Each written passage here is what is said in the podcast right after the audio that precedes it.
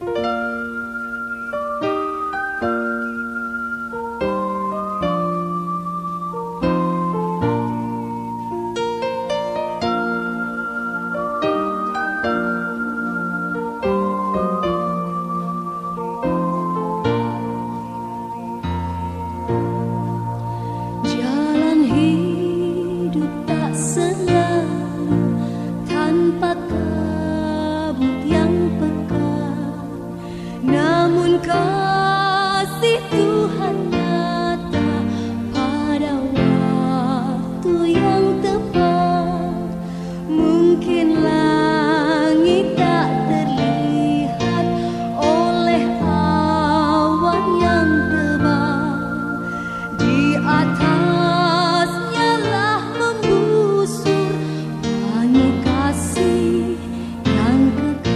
92,5 Maestro FM House with the Sound masih di Pelangi Kasih spesial Christmas moment begitu ya dan juga menyambut 53 tahun Radio Maestro. Dan masih bersama uh, narasumber kita yang luar biasa ya ada Ibu Sarah dan Bapak Lukman dari Rumah Konseling Parahyangan Bandung dan LK3 Bandung. Ada Bapak Samuel dari Kingdom Business Community Bandung atau KBC Bandung. Dan juga ada Pastor Ivan Nugroho ya, penulis buku Ayat Tanpa Wajah dan juga Children Pastor dari ICC Bandung. Dan iya sekali lagi terima kasih untuk Auto Sultan, juga untuk Building Material Iron, Danau Sentani Resto, Holiday Spring Bed, dan juga Baglen Abadi.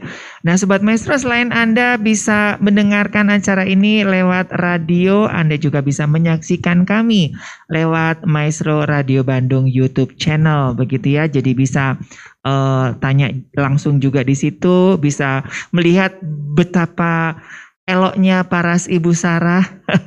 Terima kasih Mas Ari.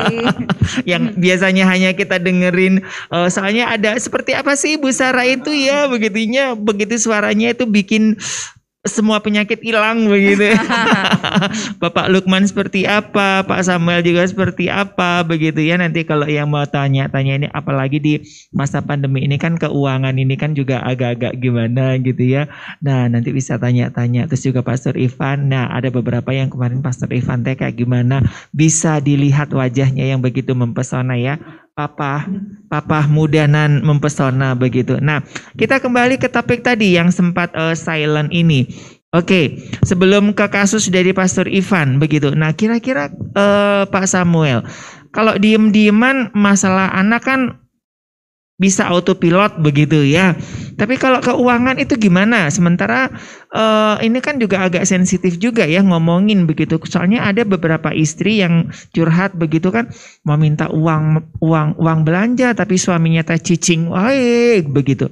Nah, gimana nih Pak Samuel? Ya, guyon ya. Kalau lagi silent ya, silent mm -hmm. itu sebenarnya rugi dua-duanya. Rugi dua-duanya. Hmm.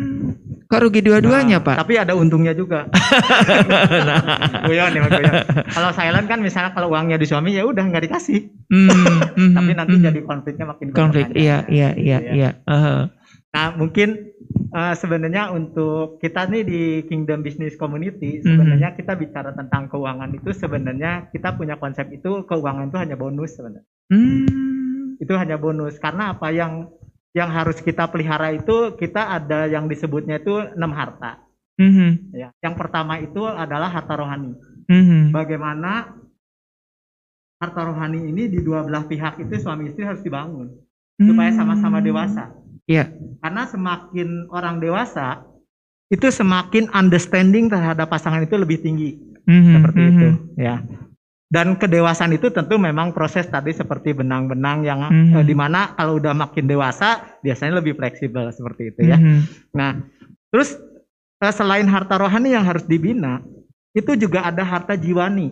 Hmm. Bicara nanti harta jiwani itu bicara eh, kapabilitas kita, intelektual kita itu harus dibangun supaya hmm. apa?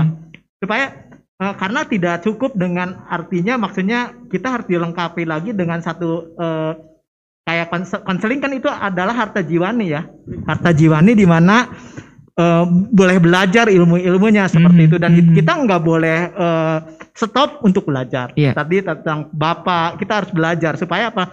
Kalau kita berhenti belajar, tentunya akan ada banyak problem karena kita banyak tidak tahu. Mhm, Nah, mhm. tetapi dengan kita belajar minimal kita mampu untuk mengatasi hal-hal yang akan ada problem atau Iya, apa, yaitu iya. harta jiwani. Terus eh, kalau eh, menyangkut lagi ada satu harta yang nggak boleh eh, lupa juga adalah harta keluarga. Hmm. Ya, harta keluarga ini harus kita bina bagaimana membentuk satu keharmonisan di keluarga. Nah, itu juga proses yang mungkin ada ilmunya sendiri, betul kan ya? Mhm. Nah, ada Harta keluarga ini keluarga, Keluarga. secara ini secara suami keluarga, istri suami dan istri, anak, semua. lembaga lah ya, Nah, lembaga. Oke, oke, Itu ada oke. harta keluarga yang memang kita harus eh, hadapi karena gini. Tadi Ibu Sarah sangat eh, sudah mengatakan buat apa kita sukses di keuangan keluarga hancur. Hmm. Ya kan nggak ada faedahnya. Mhm, Makanya mhm, KBC ini mengajarkan bahwa finansial ini hanya bonus. mhm, Hanya bonus saja. mhm, Kalau harta-harta yang tadi saya sebutkan rohani, eh, harta jiwani, harta keluarga, Mhm. terus ada harta tubuh juga tentang kesehatan, fisik ya. terus harta hubungan. Nah Hmm. ini kalau dikelola dengan baik, harta finansial itu sebenarnya jadi bonus. Karena apa? Kita mengerjakan segala sesuatu ya. Kan kemarin kita bilang eh, boleh nggak kita punya cita-cita kaya? Kalau kita nanti belajar itu nggak Mhm. boleh punya cita-cita kaya. Yang boleh itu men- berkarya untuk sesuatu dan itu akan ngikutin kita. ngikutin. Gitu. Hmm. Nah kalau tadi eh, masuk ke pertanyaan gimana Iya. kalau misalnya silent ya? diem-dieman begitu. Ya, Mhm. tentunya kalau kita punya harta rohani akan memperbaiki Hmm. antara suami dan istri Udah otomatis ya itu ya terus, sebetulnya gitu. karena, ya. karena nggak enak jadi kuburan ya tadi jadi keluarga jadi kuburan ngapain gitu Hehe. punya uang banyak juga di kuburan buat apa nggak ada Ehe, artinya ehe. seperti itu bahkan kalau silent terus uang ini jadi menyimpang nih waduh istri saya nggak nggak nice nih akhirnya uang ini jadi buat selingkuh nantinya begitu Mhm, mhm, mhm. bisa kepikiran begitu Oke, kalau udah saking oke. stresnya ya Oke, dari Pak Lukman kira-kira ada ada insight apa nih? Ya, kalau dari saya tadi kalau berbicara tentang silent, Silent, tadi, uh-uh. ya memang jadi masalah Mhm, Ya. dan besar masalahnya ini.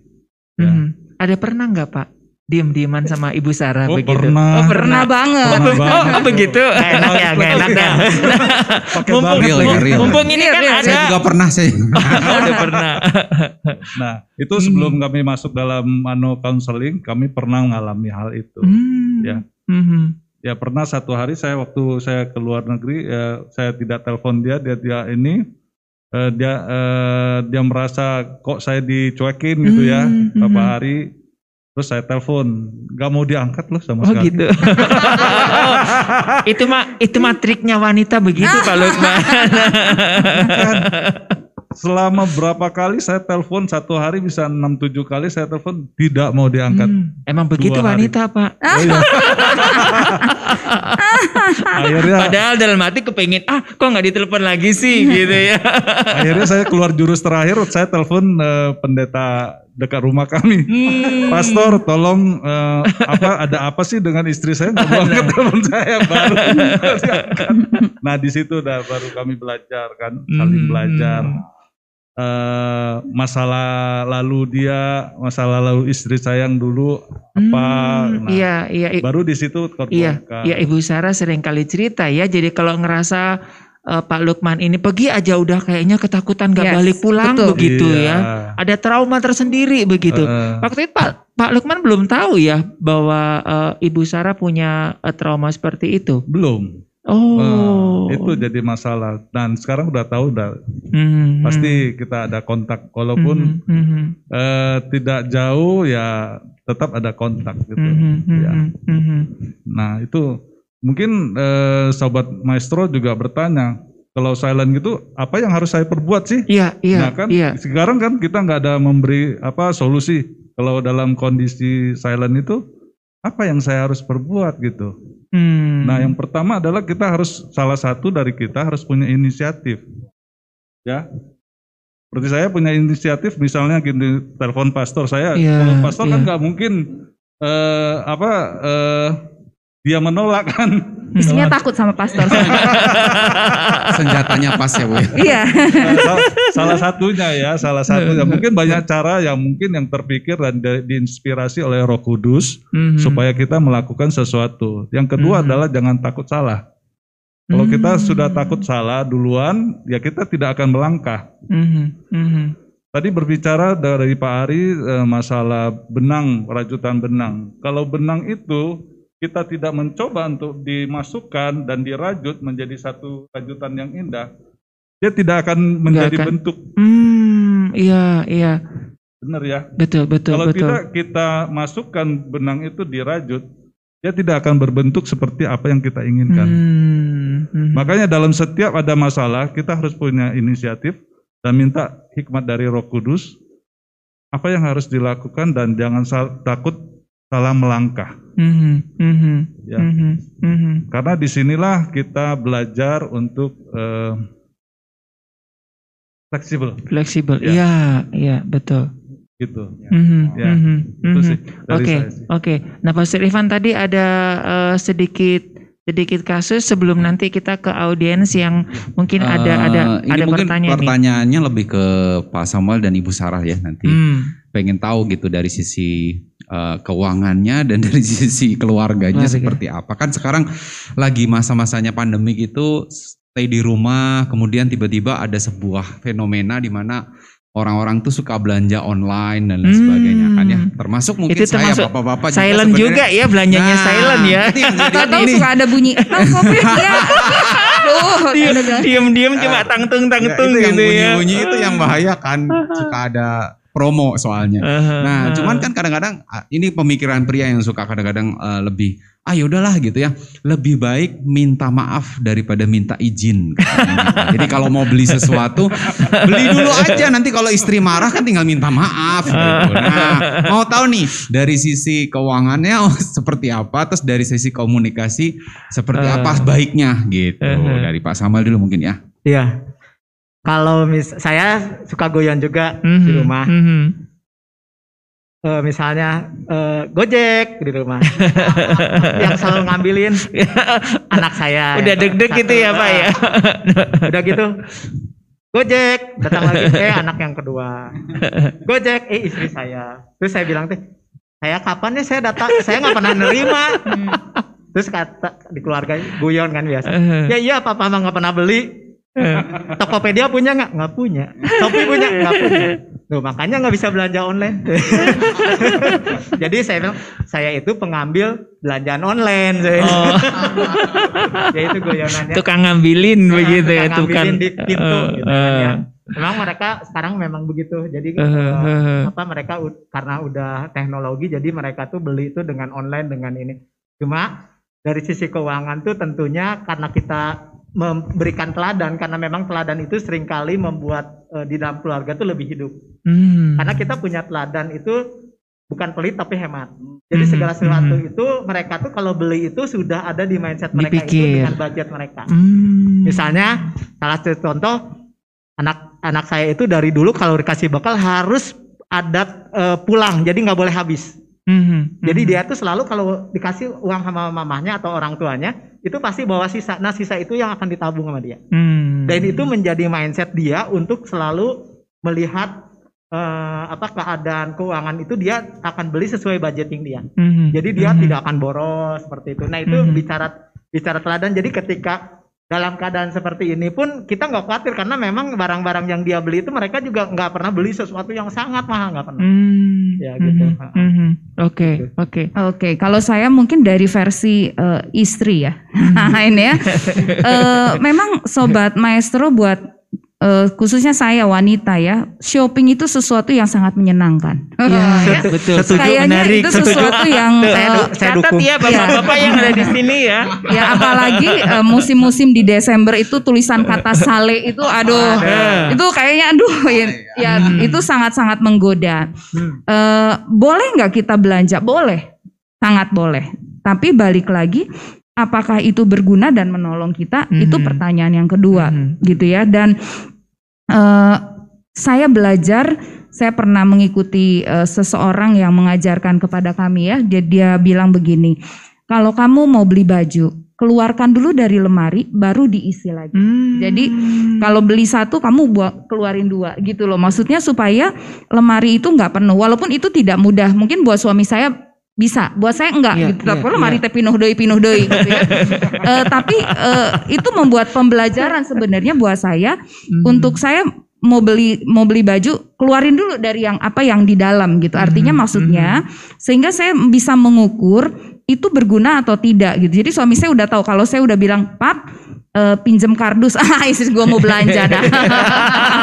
Uh, tapi itu buat saya menjadi sedikit rem gitu karena artinya mm-hmm. saya harus merelakan apa yang ada di dalam lemari saya. Dan waktu saya mau naruh saya udah taruh gini aduh masih bagus eh besok besok kalau acara ini mau dipakai nggak ada lagi gimana? Jadi mm-hmm itu menjadi sebuah rem gitu. Karena mm-hmm. kalau enggak buat saya mah rasanya kalau ke mall itu semua rasanya indah. Pas dicoba tuh saya bilang pap cantik ya. Pap lucu ya. Dia udah tahu tuh bahasanya pasti isinya mau beli, beli. gitu nah tapi ya itu saya belajar dari, dari situ oh saya harus siap. Kalau saya keluarin lima Berarti saya bisa beli empat, artinya hmm, begitulah hmm, gitu ya. Hmm. Maksudnya supaya kita belajar mengukur karena buat wanita itu tidak mudah untuk mengendalikan gitu ya. Hmm. Ketika lihat sepatu, padahal kan sepatu di, di lemari banyak gitu ya. Tapi hmm. tetap hmm. aja rasanya kalau ngeliat itu, aduh bagus banget gitu ya. e, terus lihat baju, ya aduh ini lucu pisan gitu ya. Nah jadi e, para ibu, para wanita belanja itu boleh. Balik lagi, apakah itu dibutuhkan atau tidak hmm. gitu ya dan hmm. selalu ada hmm. kata cukup hmm. ya ini yang yang kadangkala kita suka lupa gitu ya hmm. uh, dan kita perlu evaluasi secara keuangan gitu ya setiap bulan di mana kita masih bisa save apalagi dalam masa pandemi ini nggak mudah gitu kan hmm. di mana pengeluaran uh, naik pemasukan mulai berkurang gitu ya. Jadi mm-hmm. biarlah kita punya hati yang bijaksana untuk bisa mm-hmm. mengatur keuangan kita. Mm-hmm. Oke. Okay. Kayaknya ada yang mau sharing kah? Ibu Ibu Ibu Siana begitu ya. Oh, Ibu Ibu Ana begitu ya. Mungkin uh, lebih senior dari para kami begitu ya. yang mungkin sudah sudah kayaknya sudah um, khatam dengan asam garam kehidupan. Oh, oke. Okay. Nah, Ibu Siana boleh sharing dengan kami begitu dengan menghadapi uh, konflik dengan keluarga ini Ibu Syana uh, yang seperti tadi dibahas masalah keuangan yang diem-dieman, masalah uh, antara perbedaan uh, budaya antara suami istri begitu. Saya memang mengalami seperti apa yang Ibu bilang tadi. Mm-hmm. Tangga saya memang tidak seperti yang diidamkan orang. Mm-hmm. Saya dua kali mengalami broken. Oh. Ya, tapi mm-hmm. it's okay bagi mm-hmm. saya ya, karena mm-hmm. saya Ya Tuhan yang terus memberi aku kekuatan. Mm-hmm. Ya, mm-hmm. tapi saya tidak pernah bermungsuhan dengan mantan saya. Mantan. Mm-hmm. Saya tetap oke okay, sampai sekarang. Oh begitu. Saya tetap berkomunikasi baik. Bahkan kita udah kayak teman banget gitu loh. Mm-hmm. Jadi saya tadi bilang memang saya juga dulu ngalamin seperti orang-orang yang silent ya. Tapi akhirnya pada saat satu saat saya berdoa, tiba-tiba mulut saya bisa dibelokkan untuk saya bisa mendoakan mantan saya. Mm-hmm. Akhirnya saya jadi baikan walaupun tidak tidak bersatu. Mm-hmm. Tapi sampai mm-hmm. sekarang saya duduk di sini kita masih bertemu. Oke. Okay. Ya karena saya juga dulu waktu mau berpisah juga saya banyak bertanya sama Tuhan. Ini gimana nih caranya? Mm-hmm. Dipertahankan, orang bilang apa? Orang Sunda bilang awet aja. Ya. Mm-hmm. Dipertahankan. Saya bertahan, bertahan dan bertahan gitu karena saya tipe orang yang diam yang nggak mau heboh hmm. saya nggak mau jadi ya saya cuma diam tapi saya bertanya sama Tuhan akhirnya dia mantan saya yang menceraikan saya oke okay. dia menceraikan saya gitu ya saya bilang ya kalau dia menceraikan saya urusnya dia dengan Tuhan bukan saya hmm. gitu hmm. hmm ya kan hmm. ya akhirnya anak tapi kebetulan pada waktu kita berpisah anak-anak saya udah tumbuh dewasa dan ya, sampai sekarang dia udah tinggal di Australia. Hmm. Jadi dari segi keuangan kita nggak pernah ribut. Hmm. Karena bagi saya lu kasih gue terima, nggak kasih juga nggak apa-apa. Hmm. Gitu. Tapi ya Tuhan tidak pernah menutup hmm. rezekinya yeah. orang ya. Hmm. Ini di, ya, suami saya tidak memberi, anak saya hmm. kirim. Jadi ya is oke okay semuanya hmm. begitu. Hmm. Oke, oke, oke, oke. Iya terima kasih Ibu Ana ya buat sharingnya ya. Nah uh, ini kan udah ranahnya di LK3 dan RKP nih ya. ya Kalau okay. udah ngomongin begini ya, iya. nggak mungkin ke KBC ya. oke, okay, terima kasih Ibu Shane ya tadi sharingnya luar biasa. Sekali lagi uh, di rumah konseling Parahyangan kami punya tagline selalu ada cinta dan selalu ada harapan ya buat mm -hmm. sobat mm -hmm. uh, maestro apa pun kondisi pernikahan kita, keluarga kita hari ini, bersama dengan Tuhan selalu ada harapan dan selalu mhm. ada cinta yang baru gitu ya. Uh, jadi sedikit lagi mengenai silence. Sekali lagi uh, saya uh, saya seorang yang uh, ekstrovert. Saya suka cerita, saya suka uh, apa pun terbuka. Tapi urusan uh, rumah tangga ketika saya marah saya silent. Jadi ini tidak berhubungan dengan karakter seseorang, hmm. tapi ber, berhubungan dengan latar belakang, okay. bagaimana uh, saya dibentuk hmm. gitu ya dan hmm. uh, sekali lagi yang tadi pasti banyak yang dialami oleh para sobat maestro, maestro. ya yang hmm. kalau lagi marah diem gitu ya. Hmm. Jadi kalau suami hmm. saya nanya, "Saya kamu marah?" Nah, saya tuh jawabannya sebenarnya Enggak, tapi bungut bungut ngajak perang geranya. ngegas gitu ya, gitu ya. enggaknya iya, tapi ngegas oh, gitu, gitu ya, ya. Ngegas gitu. Terus dia nanya lagi, bener kamu teh nggak marah? Enggak. Jadi hmm. berharap suami saya tuh kayak cenayang yang dia tuh langsung bisa, oh sebenarnya istrinya lagi marah. Saya tuh sebenarnya begini kan nggak mungkin kan hmm. gitu ya. Hmm. Uh, suami hmm. kita tidak pernah tahu situasi kita kalau kita tidak cerita. Terus hmm gampang? Enggak susah beneran gitu ya. Ketika saya belum belajar konseling e, ketika itu untuk ngomong cuman mau bilang marah terus kesel gitu cuma mau bilang iya kamu teh begini tadi teh bikin saya kesel. Kan cuma ngomong gitu aja gampang. Tapi keluar dari mulut itu susahnya minta ampun gitu loh ya. hmm, hmm, hmm. nah uh, ya bersyukur adalah ketika saya belajar di konseling, masa lalu saya dibereskan, pasal-pasal hidup saya yang eh, hilang-hilang uh, disusun kembali menjadi rapi, kemudian saya bersyukur punya suami yang mensupport gitu ya, betul uh, yang tadi diceritain tuh kelakuan luar biasa gitu ya. Mm-hmm. Dia miss call tuh saya ingat 42 kali, saya nggak angkat. Sampai dicatat Cuman ya. gara-gara saya kesel gitu loh. Terus padahal kan tinggal angkat aja ya, mencek orang banyak tinggal ngomong, iya pap aku teh kesel, kamu teh kenapa nggak telepon waktu kamu itu udah pergi di Singapura? Saya kan udah ngomong gitu ya, tapi nggak bisa gitu. Jadi hmm. akhirnya saya memilih hmm. silent dalam hati. Lu rasain sendiri ya, lu uh, pikirin kenapa lu nggak telepon gitu tau Jadi itu salah satu cara menghukum begitu, begitu ngebalas iya. dendam nah, gitu. Jadi nggak cerdas gitu, nggak cerdas secara emosi. Padahal pimpinan perusahaan udah biasa khotbah, udah biasa ngomong di ratusan mm -hmm, orang, mm -hmm. ngomong sama suami nggak bisa kan nggak lucu banget gitu ya. Jadi mhm, nggak mm -hmm. ada urusannya di dalam konseling seperti itu. Mm -hmm, Tapi saya mhm. bersyukur Tuhan izinin saya dipulihin. Dari situ saya belajar, oh ternyata begitu mm -hmm, cara ngomong. Mm -hmm. Sampai satu kali ketika udah mulai konseling, uh, saya mulai belajar. Terus waktu itu Pak Jul ya, mentor mm -hmm, kami, uh, dia mengkonseling kalian belajar konflik. Satu kali kami konflik dan saya udah diem dua hari, suami saya udah ajak ngomong, saya ngeles, ngeles, ngeles. Hari ketiga suami saya bilang, duduk. Hmm. Saya mau ke kantor, ini udah jam 8, gak bisa saya mesti ke kantor. Hmm. Suami bilang, gak ada urusan kantor, duduk. Hmm. Takut juga saya. Tetap ya, aja ya yang pegang kendali ya. kepada suami. Hmm. Hmm. Dan waktu duduk itu suami saya bilang, kamu ngomong, kenapa kamu marah? Aduh itu duduk dan baru di situ saya bisa ngomong ya sebenarnya saya kesel ya ampun susah itu cuma buat ngomong begitu tapi dari situ saya belajar oh ini tuh ternyata caranya untuk saya bisa mengungkapkan kemarahan saya hmm. kekesalan saya kekecewaan saya dan saya tahu pasti sobat maestro ya yang dengar di sini ibu-ibu juga punya pengalaman seperti saya susah mau ngomong ketika marah susah mengungkapkan kekecewaan ke suami gitu ya hmm. tapi sekali lagi kita harus belajar membangun hmm. komunikasi yang sehat di antara keluarga.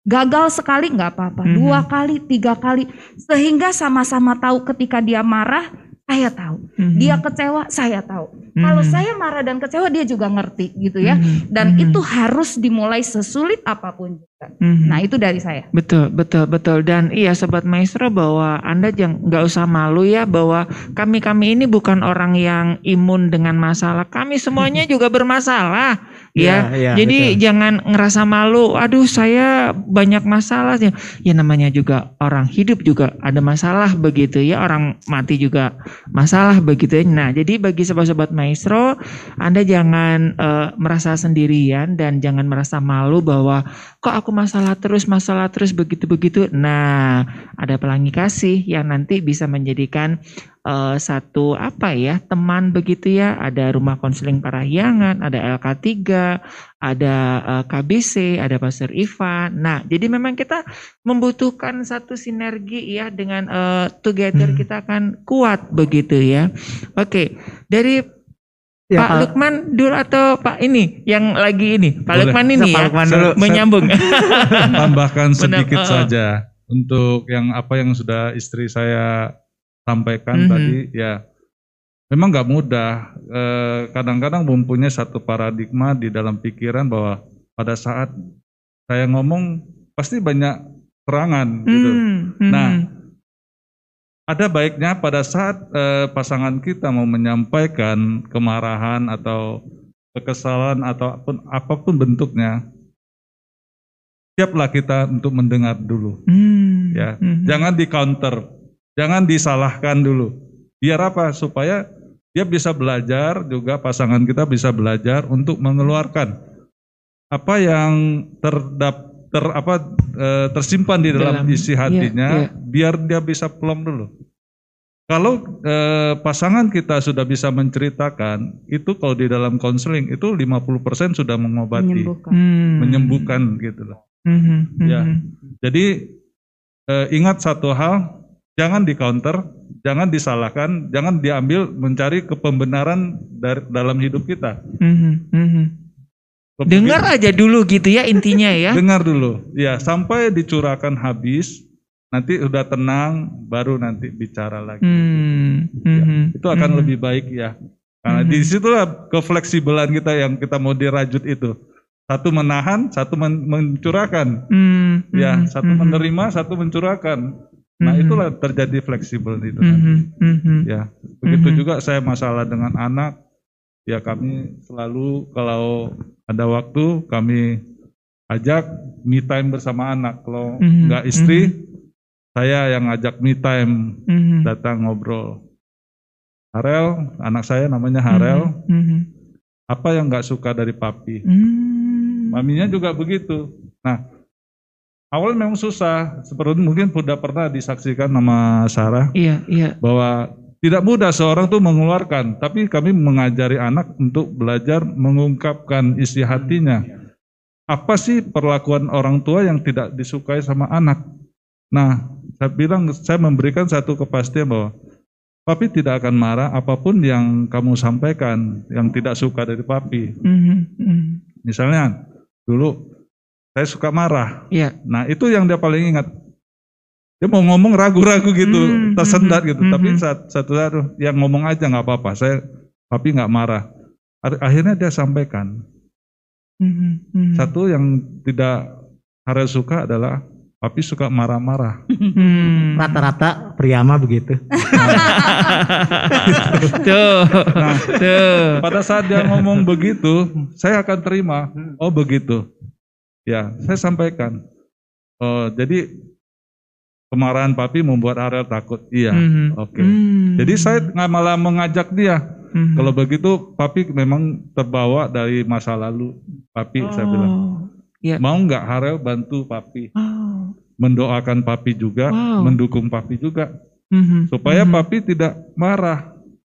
Nah, puji Tuhan sekarang-sekarang ini sudah banyak ya perubahan ya mm-hmm. dengan adanya komunikasi, komunikasi. seperti itu mm-hmm.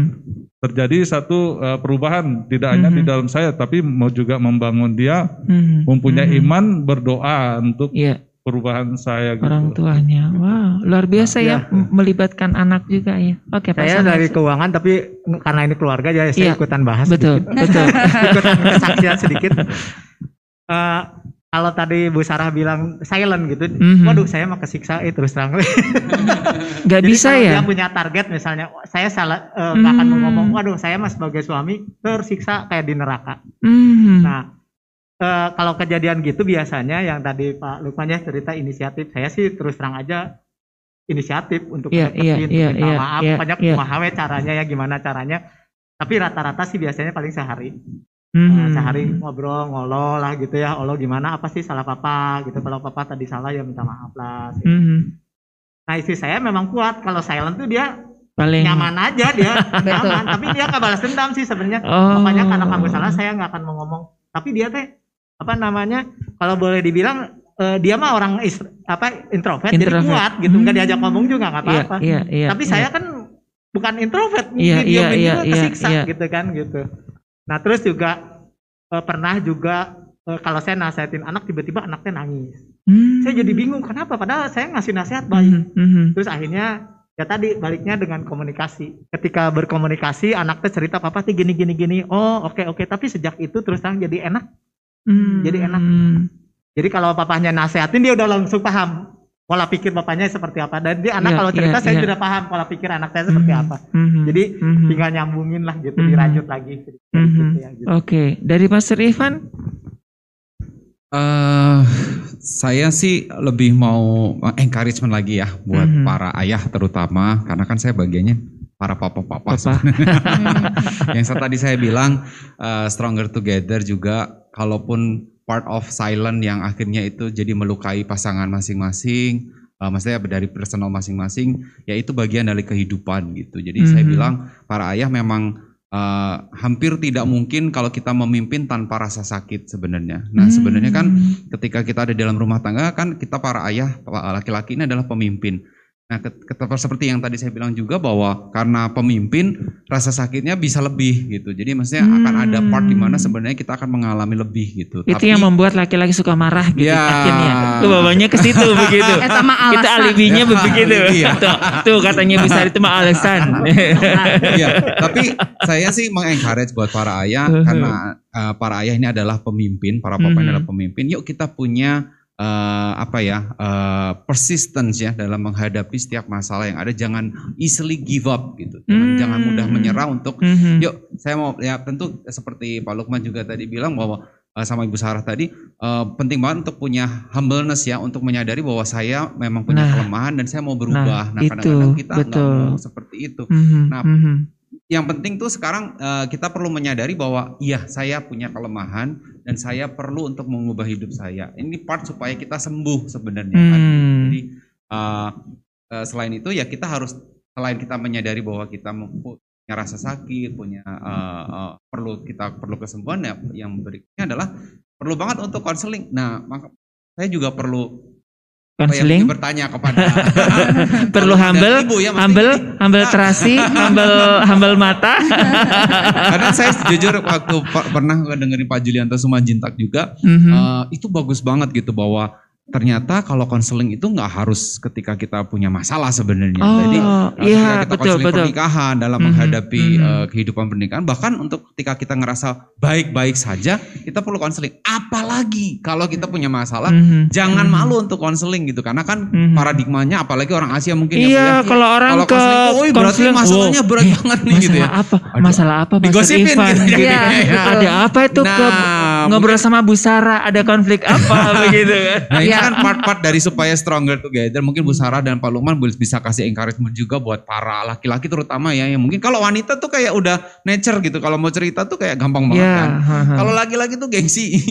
Aduh mikirnya lama banget gitu. Eh mau cerita nanti takut ketahuan dong berarti saya Mhm. lemah. Nah mungkin Bu Mhm. Sarah dan Pak Lukman bisa kasih kita encouragement nih para laki-laki supaya Mhm. kalau memang Biar kita ada masalah laki harus gitu. mengakui gitu ya. Harus mengakui dan perlu pertolongan orang lain untuk Uh, mungkin uh, hanya sekedar cerita ya uh, gitu. Uh, Gimana Bu? Dari Pak Lukman dulu kayaknya, karena pria dulu. Iya. Ya.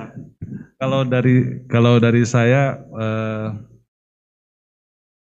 eh, sesuai dengan apa moto dari konseling ya keterbukaan adalah eh, Awal awal dari kesembuhan, Bu- ya, iya, pemulihan. iya, iya.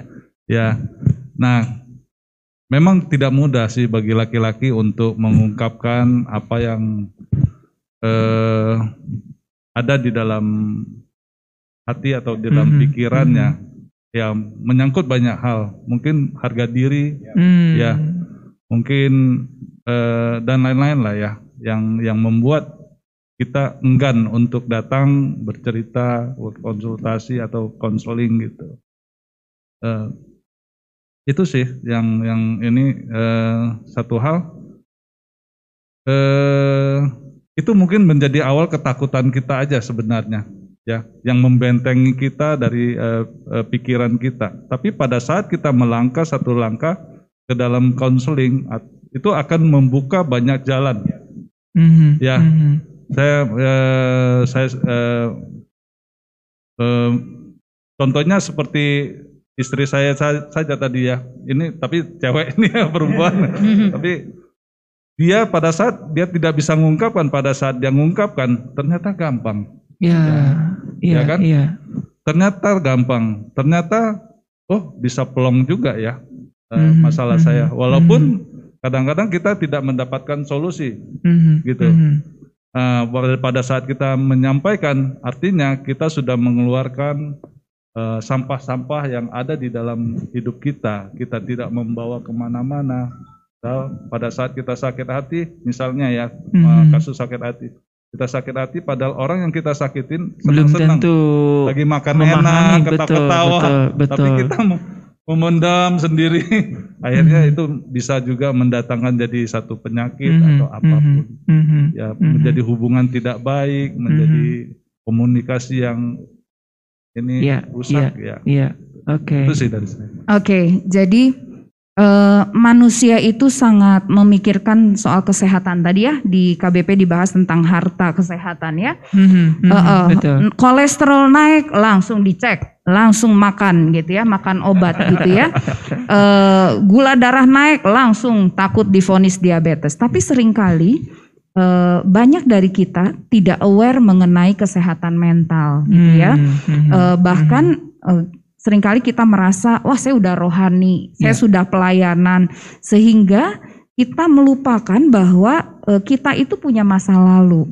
Kita hmm, itu hmm. punya latar belakang yang membentuk kita dan juga mungkin ada banyak luka-luka yang tanpa kita sadari itu menjadi uh, menjadi uh, kalau luka nggak sembuh itu menjadi busuk dan pada akhirnya yeah, bau yeah. gitu ya.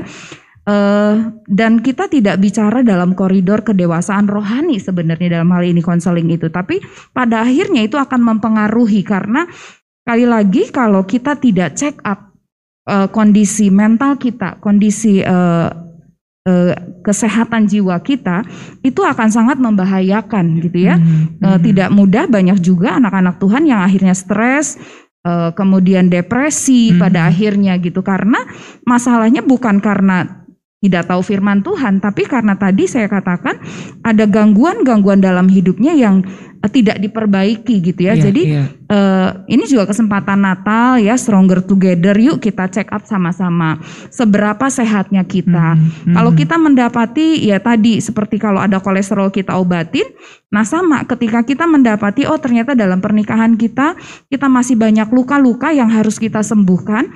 Puji Tuhan kalau luka itu kecil bisa kita sembuhkan sendiri. Kita cuman kasih betadin, puji Tuhan itu sehat. Mm -hmm. Tapi kalau luka itu sudah menganga dan butuh dijahit, kita nggak bisa jahit sendirian. Mm -hmm. Kita mm -hmm. harus datang ke dokter mm -hmm. dan itu dijahit, mm -hmm. dikasih obat dan butuh waktu untuk sembuh. Yeah, nah, betul. di sinilah para konselor dibutuhkan.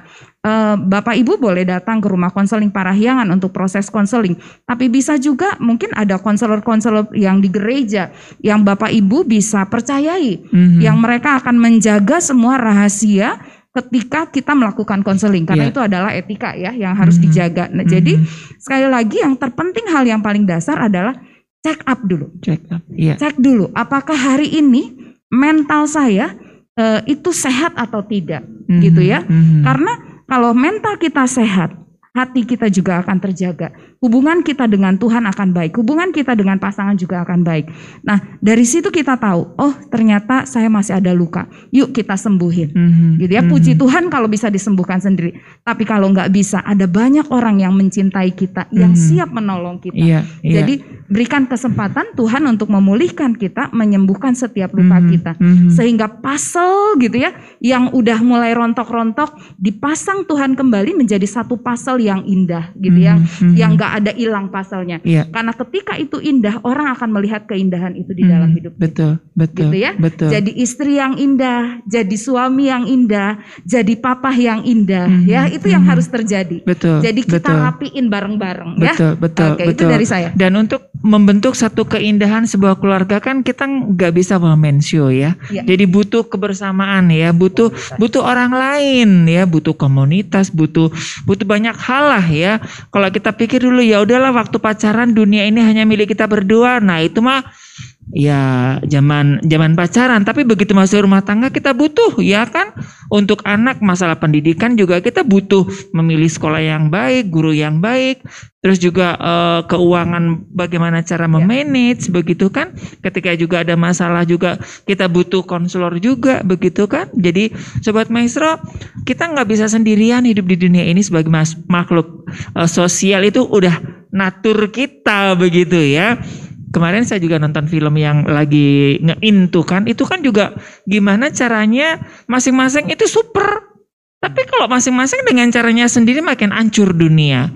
Akhirnya bagaimana? Ya stronger together. Akhirnya bisa diselesaikan ya. Ada dari dunia pendidikan ada de- de- dari eh, rumah konseling dari keuangan dari segala macam. Kita kita bukan superhero dalam sebuah eh, apa namanya eh, keluarga begitu ya. Oke nah eh, kira-kira ini sebetulnya kalau mau dikorek-korek lagi akan panjang lagi ya. Oke nah kita kira-kira apa yang bisa kita simpulkan dari perbincangan siang hari ini ya dari eh, Pastor Ivan dulu deh. Kalau dari saya sih untuk menjadi pribadi yang kuat dan keluarga yang kuat, Mhm. kita harus perlu menyadari bahwa eh, nggak apa-apa kalau kita menya apa kalau bahasa Inggrisnya kayak bahasa Korea ya apa drama Korea itu it is okay not to be okay. oh Nah, jadi nggak apa-apa sebenarnya kalau kita punya masalah dan kita perlu mengakui Yes, itu yes. supaya kita jadi pribadi yang lebih kuat kan. Mhm. Karena kadang-kadang kalau kita manusia tuh lebih kayak pride untuk menutup-nutupi segala sesuatu dan menjadi nggak real dalam Mhm, kehidupan mhm, gitu. Padahal kalau mhm. ayah memang merasa uh, atau orang tua atau mungkin suami atau istri yang merasa bahwa dirinya gagal nggak apa-apa juga kalau gagal Mhm, gitu. mhm, Jadi jangan mhm. khawatir untuk karena kita terlalu banyak mendengar omongan negatif gitu takut nanti dibilang ini digosipin segala macam akhirnya kita ngerasa bahwa oh udahlah tutupin aja gitu jangan ya Mhm. Justru uh, seperti uh, yang kita sudah bicarain tadi, kita perlu banget orang lain yang seperti Bu Sarah bilang, kita nggak apa-apa kalau misalnya kita mau konseling juga, Mhm. itu bukan berarti kita akan dicap negatif gitu, karena Mhm. kita butuh orang lain untuk Yes. untuk memberi kekuatan juga buat kita. Mhm. Itu sih kalau dari Mhm. saya ya. Oke, dari Pak Samuel. Ya kalau dari saya bicara strong together sebenarnya manusia ini rumit sebenarnya. Mhm. Ya, jadi ti- tidak ada satu metode pun ya yang bisa cespleng. Iya. Ujung-ujungnya eh, terus terang aja kalau menurut saya sih try and error. Tapi eh, try and error itu harus didukung dengan basic yang kuat. Mhm. Misalnya kebenaran Mhm. firman Tuhan. Mhm. Ya, kebenaran tadi kan bicara dewasa rohani itu bukan bicara tahu ayat, Iya. tapi bagaimana mengaplikasi- mengaplikasikan ayat-ayat firman Tuhan itu di dalam kehidupan. Mhm. Mhm. Nah, itu yang disebut eh, apa? eh, orang itu mampu mengatasi segala sesuatunya sebenarnya. Karena gini, ketika kita bicara eh, di keluarga ini, keluarga ini udah berbeda lagi. Yes. Temperamennya berbeda, Mhm. budayanya Mhm. berbeda. Mhm. Jadi tiap eh, manusia itu dalam keluarga unik. Jadi kalau Mhm. saya melihat itu jawabannya adalah di firman Tuhan, ya. Mhm. Karena firman Tuhan itu menjawab segala kebutuhan manusia. Karena Mhm. itu ditulis dari sekian ribu tahun pengalaman manusia. Iya. Iya. Dan di situ banyak jawaban sebenarnya kalau kita mau gali. Mhm. Dan eh, saya terus terang aja eh, di dalam eh, selama pernikahan di dalam keuangan itu eh, mengalami sesuatu yang boleh dikatakan tidak terlalu banyak konflik. Karena apa? Mhm. Karena basic firman Tuhan sama-sama dua-duanya harus tumbuh seperti itu. Hmm. Nah, terus yang sangat setuju dengan Ibu Sarah tadi, eh, kita harus mencari tahu. Misalnya tadi, kenapa kok saya marah, mudah marah? Mhm. Mhm. Rata-rata diprotes laki-laki itu benar marah. Nah, itu harus dicari alam bawah sadarnya kenapa Oh. yang menyebabkan kita marah. Ternyata tiap pria tuh marahnya beda-beda penyebabnya. nah, itu yang Iya, akhirnya iya. harus diobatin sampai saya Mhm, bikin target mhm. waktu itu sama anak, papa suka marah. Ya, target papa tahun dari eh, 2000 berapa ya saya lupa lah. Mhm. Mengurangi marah. Mengurangi Tapi marah. sambil sambil pikir kenapa ya kalau saya marah itu sampai ngobrol sama istri, Hmm. Tiba-tiba di satu sisi nggak marah tapi di satu sisi tertentu marah. Mm-hmm. Nah itu yang waktu oh ini penyebabnya. Mm-hmm. Kenapa? Mm-hmm. Mungkin pikir ada latar belakang mm-hmm. seperti itu yang akhirnya kita harus mulai lagi saya uh, kalau istilah saya mengambil keheningan dengan Tuhan mm-hmm. supaya apa supaya itu sembuh. Mm-hmm. Yeah. Supaya itu sembuh mm-hmm. ya lewat firman Tuhan, lewat mm-hmm. bersekutu dengan Tuhan sehingga kemarahan itu mulai tidak lagi muncul ketika hmm. ada peristiwa di depan itu udah responnya yeah. udah beda. Iya, iya, faktor itu. penyebabnya sudah sudah ya, diatasi begitu. lebih dulu ya. Oke. Okay. Ya mungkin itulah. Iya, hmm. oke. Okay. Dari Ibu Sarah? Oke, okay. sesuai dengan tema kita Stronger Together ya. Jadi di hari Natal ini ayo kita bersama-sama membangun kekuatan yang baru karena Tuhan janji bahwa Tuhan kasih kemenangan yang gilang gemilang. Yes. Jadi bukan hanya menang terhadap keuangan, menang terhadap pekerjaan, tapi kemenangan juga atas pernikahan dan keluarga kita. Hmm. Itu harus dirasakan setiap sobat maestro hmm. di keluarganya masing-masing yes. ya. Ayah rebut kemenangannya kembali yes. dari anak-anaknya lagi okay. ya. Istri rebut kemenangannya dari pasangannya. Jangan pasangannya kabur ke mana-mana. Harus ada di tangan bersama-sama. Hmm. Jadi kemenangan hmm. itu harus dirasakan bersama-sama. Yes. Itu aja yes. dari saya. Oke. Okay. Yang terakhir dari Pak Lukman. Kalau saya eh, kesimpulannya adalah pertama adalah eh, membangun satu komunikasi yang baik dan yang sehat dan membangun ya di antara sesama anggota keluarga. Mm-hmm. Ya, karena ini temanya kebersamaan. Yeah. Ya, saling mendukung satu sama lain. Yang kedua adalah uh, menerima apa adanya. Mm-hmm. Jangan ada apanya gitu. Iya, iya. Ya. Jadi uh, saat ada masalah kita harus menerima. Mm-hmm. Tidak ada masalah kita juga harus menerima yeah. gitu dengan keluarga kita sehingga kita bisa membangun satu kebersamaan. Apa yang dirasakan anggota keluarga kita, kita bisa rasakan mm -hmm. bersama. Mm -hmm. Nah, itulah mm -hmm. salah satu cara untuk kita membangun kebersamaan itu. Mm -hmm. Satu sakit, semua sakit. Yeah. Terasanya gitu ya. Nah, itu saja. Oke, okay, iya. Iya, sekali lagi terima kasih Pastor Ivan, Pak Samuel, Bu Sarah, Pak Lukman dan juga sobat Maestro ya.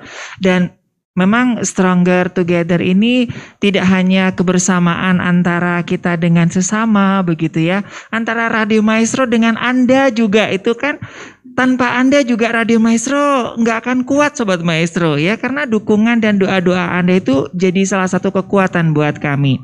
Dan Stronger Together ini juga tidak hanya berbicara kita kebersamaan antara sesama manusia. Tapi yang lebih penting adalah dengan Tuhan ya. Bersama-sama dengan Tuhan kita akan kuat seperti Ibu Sarah tadi, yuk dengan Tuhan kita rebut semua kemenangan begitu. Baik, sekali lagi uh, Pastor Ivan, Pak Samuel, Ibu Sarah, Pak Lukman, terima kasih buat siang hari ini yang sudah menginspirasi kita di um, Christmas moment dan juga menyambut ulang tahun Radio Maestro yang ke-53. Terima kasih juga buat Sobat Maestro yang sudah bersama-sama dengan kami baik di YouTube channel ataupun di 92,5. Terima kasih juga yang ada hadir ya Bapak-bapak dan Ibu-ibu yang uh, datang ke studio dan sekali lagi terima kasih juga buat Auto Sultan juga Building Material Iron, Danau Sentani Resto, Holiday Spring Bed, dan juga Bagelen Abadi yang sudah mendukung acara ini. Terima kasih juga buat rekan-rekan uh, tim kru yang sudah mempersiapkan acara ini dengan luar biasa begitu ya. Baik dari Gerah Maestro Jalan Kaca Piring 12 Bandung, saya Ari, uh, Pastor Ivan, Bapak Samuel, juga Ibu Sarah dan Bapak Lukman Mohon pamit undur diri, yuk kita bersama-sama Radio Maestro bersama dengan Anda juga kita bersatu menjadi satu rekan kerja yang memuliakan Tuhan. Stronger together. Selamat siang dan Tuhan memberkati.